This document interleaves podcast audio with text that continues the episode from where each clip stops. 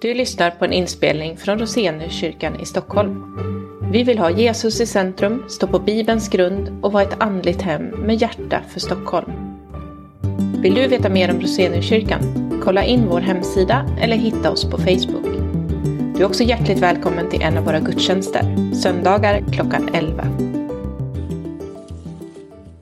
Dagens gammaltestamentliga text kommer från Första Mosebokens tredje kapitel. Eh, och det är eh, hela det tredje kapitlet, vers 1-24. Jag läser i Jesu namn.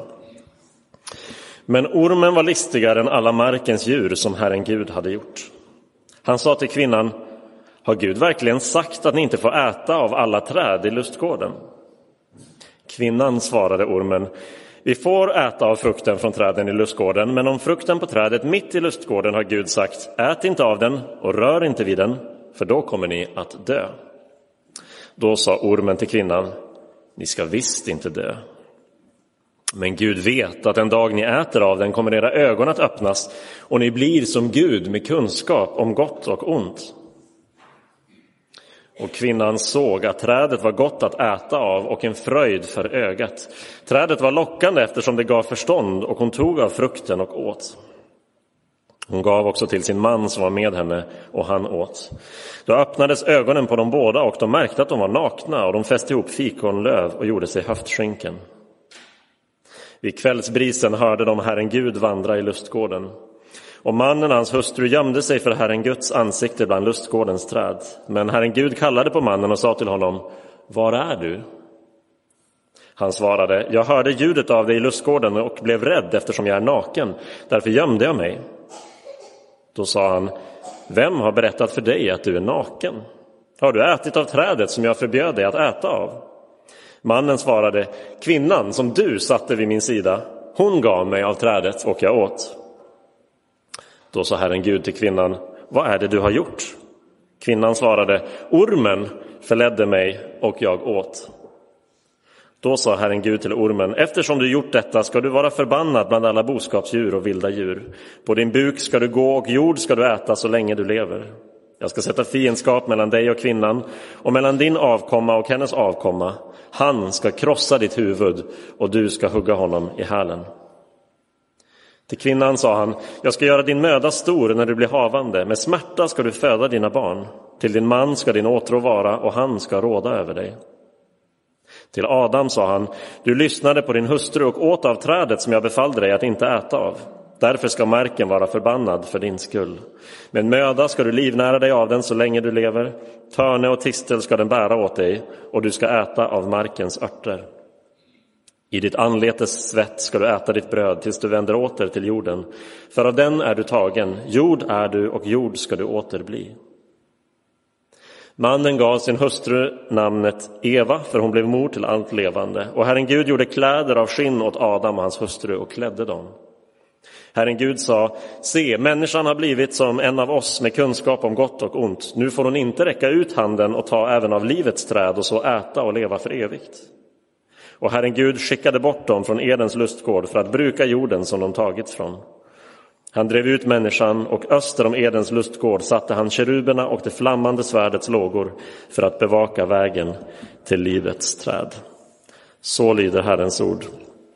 Gud, vi tackar dig.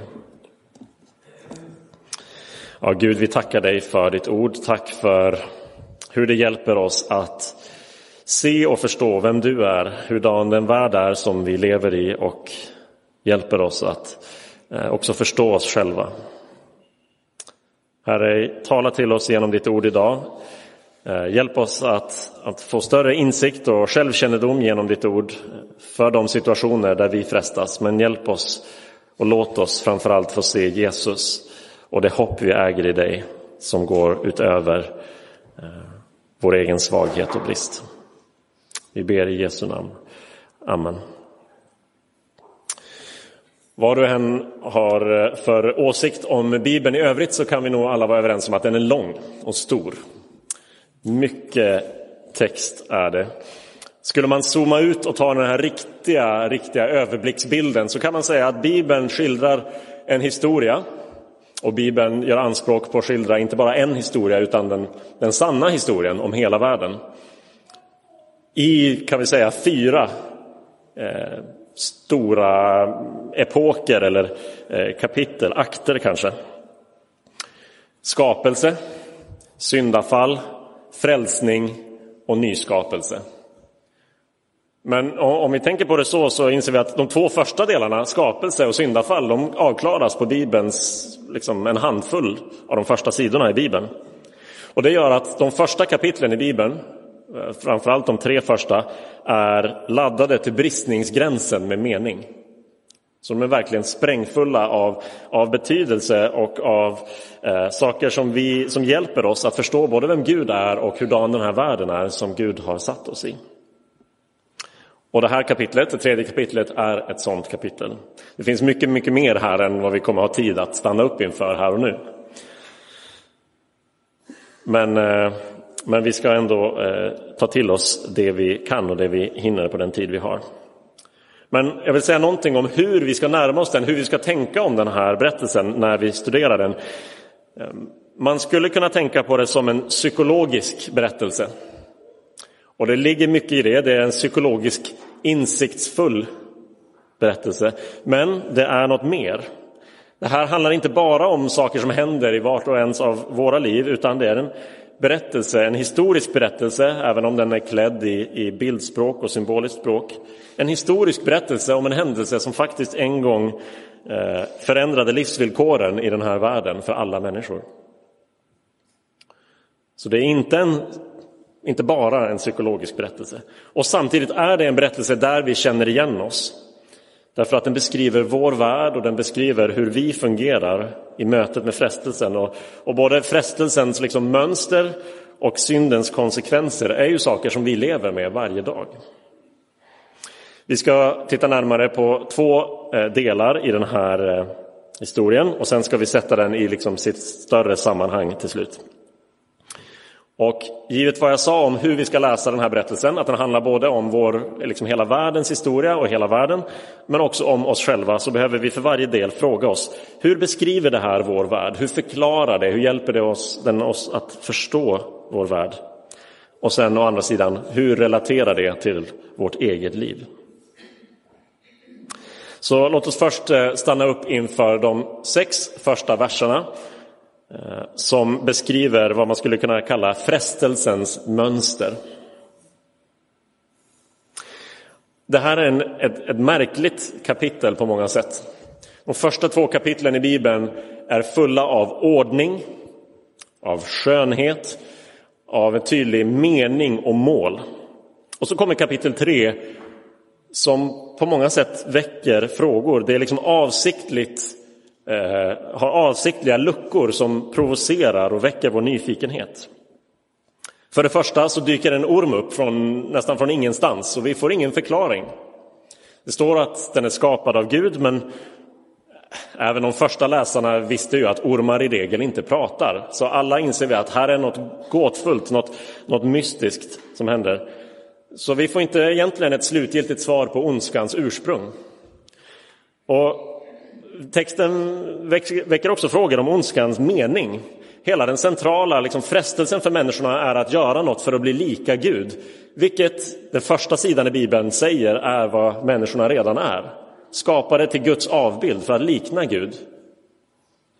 Så hur kunde de då vara så lockade av det? Det är, det är svårt för oss att förstå. Augustinus, eh, en av kyrkans viktigaste teologer som levde på 300 och 400-talet, eh, kom från Nordafrika, han har sagt att att hitta orsaken till synd är ungefär som att försöka se mörkret eller att höra tystnaden. Det ligger i ondskans väsen att den är negationen av allt det som Gud har skapat och därför är den också motsatsen till meningsfull och begriplig. Den, den kommer alltid ha ett, ett drag av absurditet eller meningslöshet. Men två saker ser vi ändå tydligt här som beskriver det mönster som också frestelse och synd har i våra liv. Och det första draget är eh, lögnen. Lögnen är att Gud inte har vårt bästa för ögonen. Ormen kommer till kvinnan och frågar henne, har Gud sagt att ni inte får äta av alla de här träden? Och han liksom eh, slirar på orden där Gud hade sagt att det var ett träd de inte får äta av, men han börjar liksom slira så att de funderar på, får vi inte äta av något av allt det här? Lögnen har en avsändare utanför oss. Vi möter i frestelsen någon och något som faktiskt vill oss illa. Och sättet som frestelsen kommer till oss är inte bara genom ett angrepp på Guds ord. Vi ser det ju väldigt tydligt hur, hur eh, ormen frågar, har Gud verkligen sagt? Men kanske ännu viktigare är att inse att frestelsen ofta innehåller ett angrepp på Guds karaktär. Gud är snål. Kolla vilken underbar sak som Gud inte vill att du ska ha. Gud är en kosmisk glädjedödare. Det är ungefär det intrycket vi ska få i frestelsens ögonblick. Det är det den onde vill få oss att tänka. Att Gud undanhåller det som är intressant eller det som är roligt eller det som är vackert och härligt från oss. Det är viktigt att inse att Bibeln har inte en negativ syn på kunskap. Gud hade gett människan i uppdrag att förvalta både den här eh, trädgården men hela skapelsen. Han lät den första, eh, de första människorna se alla djur han hade skapat för att de skulle eh, börja ge dem benämningar och namn. Liksom en ansats till ett kunskapsarbete, ett vetenskapligt arbete, en, en ansats. Inte verkligt vetenskapligt arbete, men en ansats. För att Gud tycker att kunskap är någonting gott. Det är inte det han undanhåller. Men lögnen innebär att försöka få Gud att verka snål fast Gud är så generös. Efter lögnen kommer också lockelsen och den kommer inte utifrån, den kommer inifrån. Vi ser hur kvinnan hon tittar på, på den här frukten och börjar liksom lägga märke till olika saker med den som lockar henne. Och lockelsen när vi står inför en frestelse, den kan spela på hela vårt register. Vi ser hur frukten lockade både för att den gav förstånd, men också bara för att den såg god ut att äta. I synden så ser vi ofta en vilja i oss själva att vara mer än vad vi är. Att vilja vara mer än människor och bli som Gud. Och samtidigt så är synden en förnekelse av vår mänsklighet. Vi säger att jag kunde inte rå för det, det var min instinkt eller min impuls. Synden liksom försöker lura oss att bli mer, men förminskar oss av eh, förmänskligar oss, liksom, gör oss till djur som skulle följa bara begär och impulser. Högmod och dekadens går liksom hand i hand när frestelsen möter oss och, och, kan spela på hela vårt register på det sättet. Vi ser det i, i små situationer eller vi ser det i, i globala kriser, hur en människas ambition att gå till historien som något mer än bara en vanlig människa samtidigt får honom att göra rent bestialiska saker i ett krig som pågår just nu. Så där är synden. Den lockar oss att bli mer, men den gör att vi blir något mycket mindre. Det är också viktigt att komma ihåg att den onde verkligen inte är kreativ. Allt han har i sin arsenal är dåliga plagiat av det Gud redan har skapat. Frukten är skapad av Gud, hela trädgården, allt det vackra och det goda och det underbara är skapat av Gud. Det är just därför det lockar oss. Synden lockar oss inte för att vi, vi längtar efter den rena ondskan, utan därför att vi vill ha det goda som Gud har skapat det, fast på våra egna villkor. I vår egen tid, på vårt eget sätt, utan Guds inblandning. Den onde är inte kreativ, han plagierar, kopierar det Gud har skapat och säger titta vad gott det är. Och kärnan i allt det här blir då en frestelse att åsidosätta Gud, säga jag tänker ta det goda utanför Guds vilja. Jag tänker åsidosätta Gud och upphöja mig själv och min egen vilja min egen drivkraft i Guds ställe. Sharon Hirsch är en, eh, en kvinna som har skrivit en väldigt rörande och gripande bok om sin egen kamp med ett alkoholmissbruk. Och hon skriver tidigt i den eh, boken heter The Last Addiction. Eh, och hon skriver tidigt i den boken om och jämför hur missbruk på många sätt är, är liksom som att se på all synd i ett förstoringsglas. Alltså det, missbruk är inte annorlunda än något av det vi alla har i våra liv. Det är samma mönster och mekanismer. Och hon beskriver det som att jag frestas att ge mitt hjärta och min själ till något som jag tror kommer lindra min smärta eller fungera som en ventil för min vrede över den brist på kontroll jag känner i den här världen när jag blir sårad eller skrämd eller lämnad ensam. Jag längtar efter att få återta kontrollen eller lindra min smärta eller bara ge mig hän åt någonting som distraherar mig. Och så får synden ett, en ingång och ett grepp. Det här beskriver vår värld. Skillnaden är bara att efter den här situationen där det liksom var en särskild ingång, en särskild Eh, symbol och representation, den här frukten. Så nu är det många olika ingångar. Synden finns runt omkring oss och, och frestelserna möter oss på alla möjliga fronter och beroende på vår personlighet och vår bakgrund och historia så möter den oss på väldigt olika sätt. Så därför får vi fråga oss idag, i våra liv, var möter vi lögnen? Var tvivlar vi på Guds godhet? Var kan vi lätt få för oss att jag vet vad Gud har sagt, men Gud har nog inte mitt bästa för ögonen här. Gud verkar snål mot mig. Eller fundera på var i våra liv möter vi lockelsen? Vad är det du längtar efter? Vad har fångat din blick? Vad är det goda som du strävar efter? Är det någonting som lockar dig genom att klättra upp till en värdighet eller en status som du tycker att du saknar? Eller är det tvärtom bara en paus eller en flykt från ditt ansvar och din stress, en njutning som kan distrahera dig från världens och livets bekymmer? Vi behöver faktiskt ibland ställa oss de här frågorna, för en av nycklarna till att kunna stå emot frestelsen är att känna sig själv och veta var jag är svag, vad jag längtar efter, vad jag söker i livet. Och att ärligt erkänna det goda som frestelsen lockar med. Så att jag kan faktiskt se eh, vad som står på spel. Vad i mitt liv gör mig sårbar? Vi behöver ställa oss de här frågorna.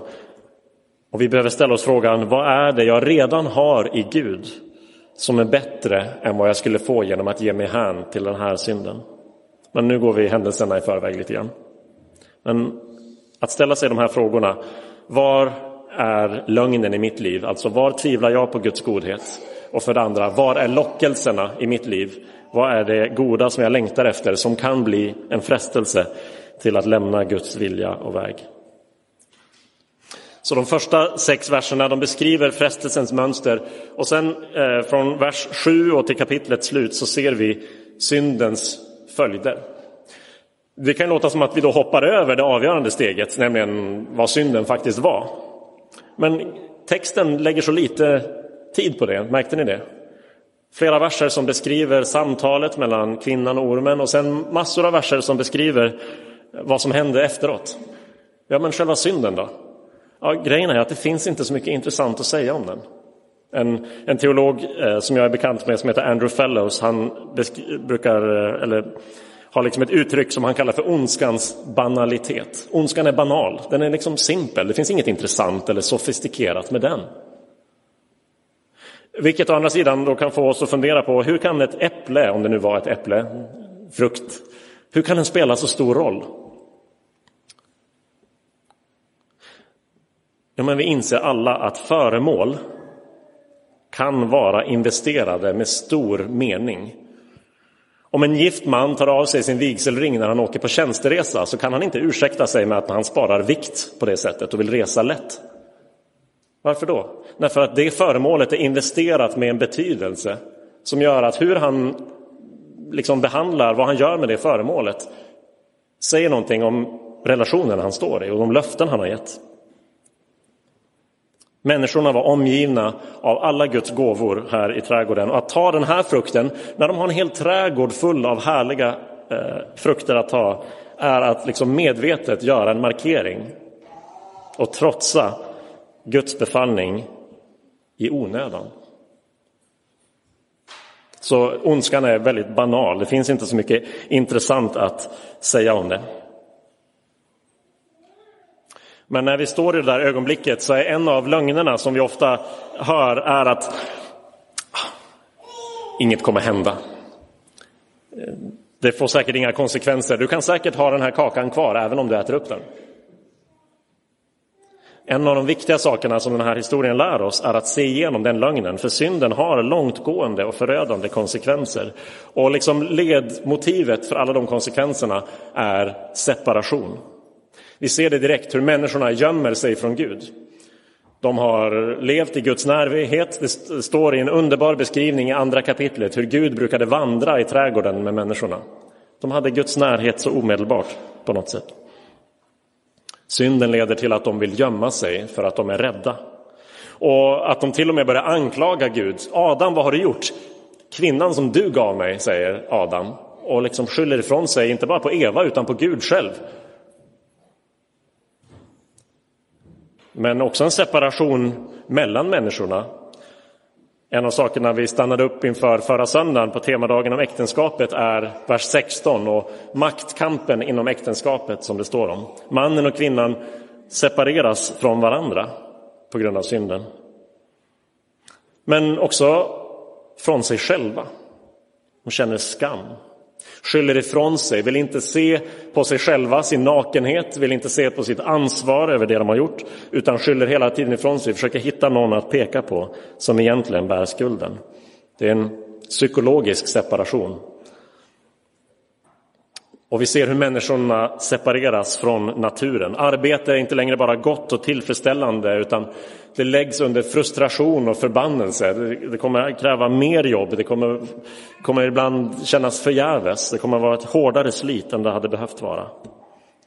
Och så får vi läsa om den ultimata, den slutgiltiga separationen mellan, från kropp och själ i döden. Rakt igenom hela skapelsen uppstår en spricka Därför att människan vänder Gud ryggen och säger jag vill göra som jag vill, inte som Gud vill. Och den här sprickan liksom går igenom alltihopa. Och så stannar eh, kapitlet med vad som tycks då vara liksom upplösningen av det hela. De får flytta ut ifrån Eden. Avskurna från Guds närvaro och därmed avskurna från livet. Och det här är också vår värld, eller hur? Chesterton sa att synden är den enklaste läran i kristen tro att belägga. Och det ligger mycket i det. Vi kan alla observera i våra egna liv eller bara stanna upp någonstans, stå på ett ställe och titta dig omkring i 10-15 minuter säkert så ser du någonting. Eh, vill du ta en genväg kan du öppna nyhetssidor. Alltså, överallt runt omkring oss ser vi en värld som ser ut så här. Av separation och konflikt och strid.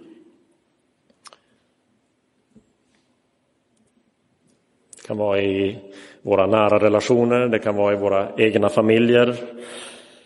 Vi ser det när vi är med om ett dödsfall. Vi ser det på en jätteskala med kriget som nu pågår i Europa. Vi ser det i våra egna hjärtan, i viljan att dominera och kontrollera, i de snabba växlingarna mellan en orätt stolthet och ett totalt självförakt i den psykiska ohälsan som vi alla är på någon, någon del av skalan på. Ingen av oss är hel. Ställer vi oss inför Guds bud som liksom ringar in eller markerar varje del av livet så ser vi hur ingen av oss har ett orört hörn dit synden inte har nått. Det här beskriver vår värld och våra liv. Nu har vi pratat mycket om självkännedom och det är viktigt i vår andliga kamp. Men kraften och hoppet och möjligheten att gå segrande ur den andliga kampen eller de enskilda stunderna där vi möter frestelser hänger på något mer än bara självkännedom. De hänger på att känna den Gud som texten berättar om. Och en av de mest fantastiska sakerna med det här kapitlet är att det inte är det sista. Det hade varit en väldigt kort bibel. Historien är inte över. Gud slänger inte den här mänskligheten eller den här skapelsen i papperskorgen och börjar om utan inleder en lång och komplicerad och mödosam räddningsaktion. För så här tänker han inte låta fortsätta för alltid. Och därför är det sista vi ska se som vi får frön och liksom eh, tidiga eh, hintar om i den här texten är hoppets gnista. Det skulle kunna vara frestande att ta bort det här kapitlet ur Bibeln. Det är så deppigt. Det är så tungt. Men vad skulle saknas om det här kapitlet inte fanns? Det skulle saknas en förklaring till hur världen blev så som den är idag. Om, eh, om de här kapitlen inte fanns så skulle vi lätt kunna tänka att så här har det alltid varit. Vi får en förklaring till hur världen blev så här. Hur kan världen ha så mycket ondska i sig om den nu kommer från en god Gud? Men vi får också möjlighet att ha ett hopp förankrat i att världen en gång har varit annorlunda. I världsbilder, eh, livsåskådningar och ideologier där Gud inte får plats måste man också konstatera att världen är som den alltid har varit. Och antingen är då ondskan en del av världen som vi får leva med eller så tvingas man förneka att gott och ont överhuvudtaget finns och är verkliga kategorier. Men om världen har varit annorlunda, om den har varit god och om den är skapad av en god Gud, då finns det också verkligt hopp. Och vi ser hur det här hoppet börjar redan i den här texten. För det första därför att Gud är den som söker upp.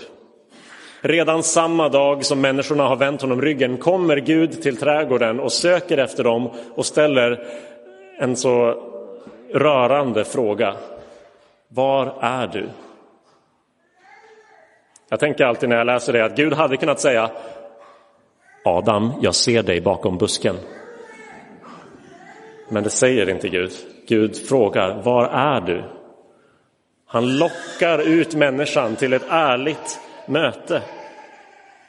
Och det här är så viktigt för när vi, när vi står inför frestelsen, då tänker vi väldigt lätt att synden har inga konsekvenser. När synden faktiskt, när vi har liksom fallit, när vi har gjort den, eh, det som vi vet är fel, så vänder ofta vår inre röst 180 grader och säger nu är allt kört. Varför skulle Gud vilja ha med dig att göra? Men Gud söker upp och frågar, var är du?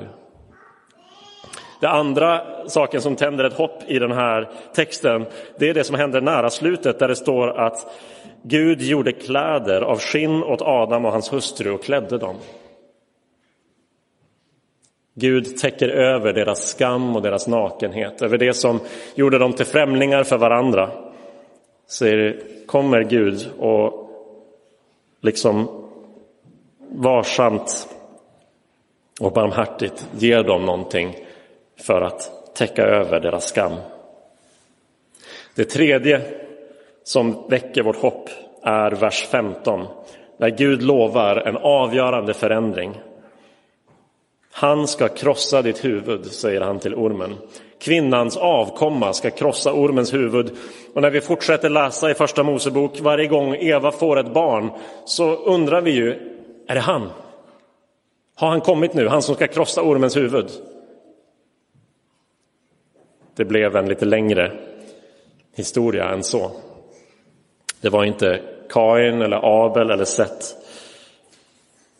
Men till slut kom han. Och Jesus mötte samma frestelse som vi alla gör. Men inte i ett vackert paradis omgiven av överflöd och, och allt det goda och vackra i skapelsen. Utan hungrig och ensam i öknen mötte han frestelserna och stod emot. Genom sitt liv och sin lydnad så utmanade Jesus ondskan på en duell.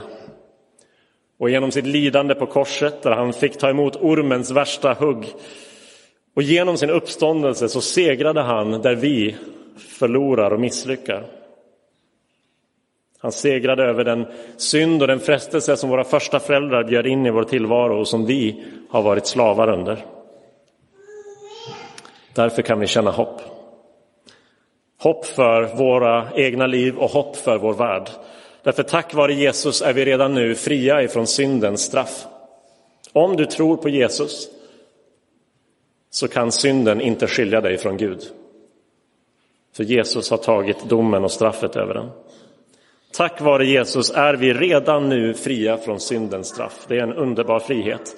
Dessutom, tack vare Jesus kan vi redan nu, fast gradvis, också befrias från syndens inflytande i våra liv. Det sker inte över natt. Inte som befrielsen från syndens straff. Men gradvis kan vi befrias från syndens inflytande och makt i våra liv. Och en dag, en dag kommer vi tack vare Jesus vara fria från syndens närvaro i våra liv, i hela den här världen. Den dagen kommer vi kunna äta fritt av livets träd igen därför att Jesus lät sig spikas upp på dödens träd. Den dagen kommer vi kunna njuta av Guds närvaro därför att Jesus blev övergiven av Gud på korset. Och därför så ska vi inte ge upp. Vi ska inte köpa lögnen att Gud är snål mot oss. Eller låta oss lockas att söka det goda på något annat sätt än inom ramarna för den frihet som Gud har gett oss. Och därför ska vi hålla oss till Jesus. Jesus som kom för att söka upp de förlorade. Jesus som tack vare sin död täcker över vår skam och som en dag ska befria hela vår värld ur syndens våld. Alltså kan vi känna hopp. Hopp. Vi ber. Jesus, du känner vår bräcklighet och vår mottaglighet för lögnen om att du inte vill oss väl. Du känner vår svaghet inför lockelserna inuti oss efter det som lyfter upp oss som vi tror men som egentligen bara trycker ner oss. Och Jesus, vi är så svaga och så maktlösa inför frestelsen i våra liv. Så vi behöver dig Jesus. Överallt omkring oss i vår värld och i våra egna liv ser vi hur, hur synden eh, skadar och förstör. Jesus, vi behöver dig. Vi längtar efter ett hopp för oss själva och ett hopp för den här världen genom din seger över det onda och över döden. Tack för att du stod emot frestelsen åt oss. Och tack för att du som var utan synd bar vår synd på korset. Så att vi ska få bära din rättfärdighet för alltid. Jesus, vi prisar dig för din godhet mot oss och din kärlek till oss och för att i dig är vi fria från syndens straff. Vi ber att du ska göra ditt verk i oss, i våra liv och stärka oss och hjälpa oss så att vi också gradvis blir allt mer fria från syndens inflytande. Och Jesus, håll oss kvar, håll oss trogna, håll oss nära, håll oss fasta hos dig tills den dag då vi får leva befriade från syndens närvaro. Tack för att du har gjort det, allt det är möjligt. I Jesu namn. Amen.